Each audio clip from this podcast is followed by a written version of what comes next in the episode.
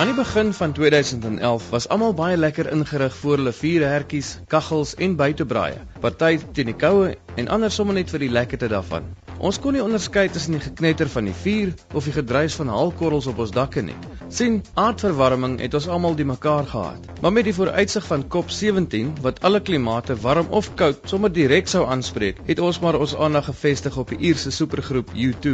Skaars was hulle die land binne of Bono deel amper die verhoog met Juju in die goedpraat van die verbode lied. Steve Hofmeyer kom hiervan te hore en gooi sy konsertkaartjies saam met sy speelgoed net so in die heukskei. Tot al wat Zibi blik purus is 'n smart. Never mind die geld mors en die moeite wat dit moes verg om tot by die rivier uit te kom nie. Hoe dit ook al sê, met die kom hy agter Bono se woorde is eintlik so bietjie verdraai. Hy gooi sterk tussen die bene duim saam met Tim Tabeti van 'n Bloemfontein se radiostasie as deel van 'n anti-plaasmoordveldtog om maar in elk geval vir U2 in ons mooiste Kaap te gaan kyk. Eienaardig. Julle kan terloops ook sy nuwe liedjie Kol op my maag nou op RSG hoor.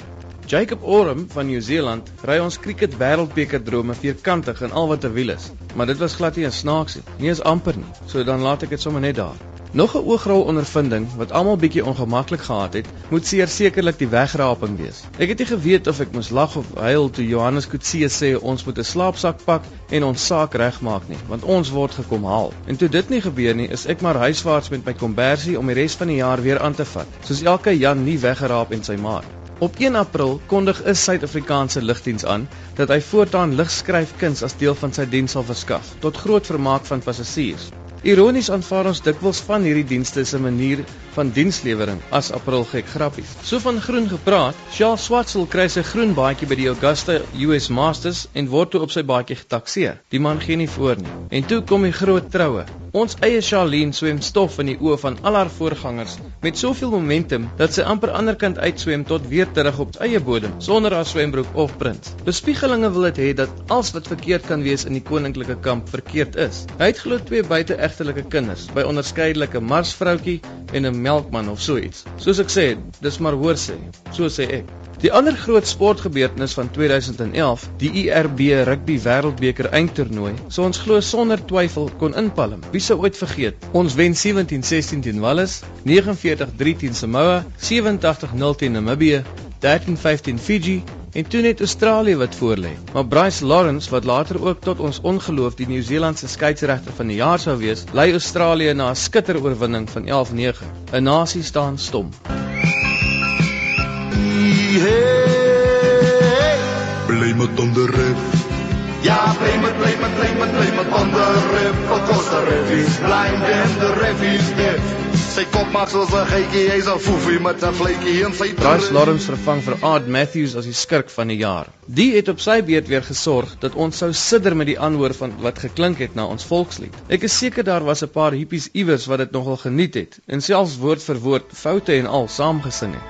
Art Matthews Nkosi sikelele Afrika Malupakaniswe Ons moes seker toe al geweet het die rugby gode skater in ons rigting. Miss Kuzi, I'm so nervous. This is such a big honor for me. En in hul moue vir Mr Bryce. Geen verwantskap aan die Sharks se hoofborg nie. Drypstert en effe ontstig soek ons toe maar weer na die naaste sonnebok om ons frustrasies op te laat geld. Omkoopgeld. Julius word skuldig bevind aan haatspraak. Ek sê maar net. En toe kom maar nog 'n wegraping en wonderbaarlik verdwyn die kwaadstoker so bietjie uit die media. Maar is dit nie presies op die nuut voorspelde datum van 21 Oktober nie? En die res van ons bly maar weer agter. Alwaar vir die wegraping volgens my nog blameer kon word is die volgende. Baie polisiebeamptes verloor dossiere, afrigters verloor hulle poste, rugby franchises verloor hulle spelers, Parlementslede verloor hulle koppe, rugbyspanne verloor hul trofee, polisiehoofde verloor hulle range, Research in Motion verloor wêreldwyd miljoene BlackBerry aanhangers op die voorhand van ek het 'n appeltjie met jou te skil se iPhone 5 se bekendstelling. Blote toeval. Groot honde verloor hulle blaf, sommige gevangenes se selsleutels raak verlore tesame met hulle terminale siektes en sommige leiers verloor sommer net heeltemal die plot.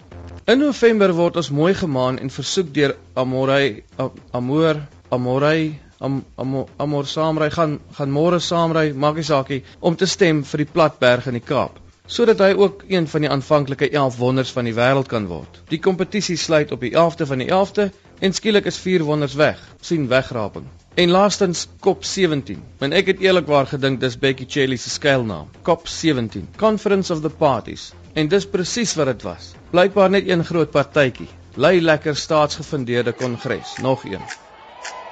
There's thousands and thousands of people taking to the streets today from all walks of life, from, from right here in Durban to across South Africa, across Africa and beyond. I know people who have travelled specially here today. They took buses last night just so they could join in this amazing march.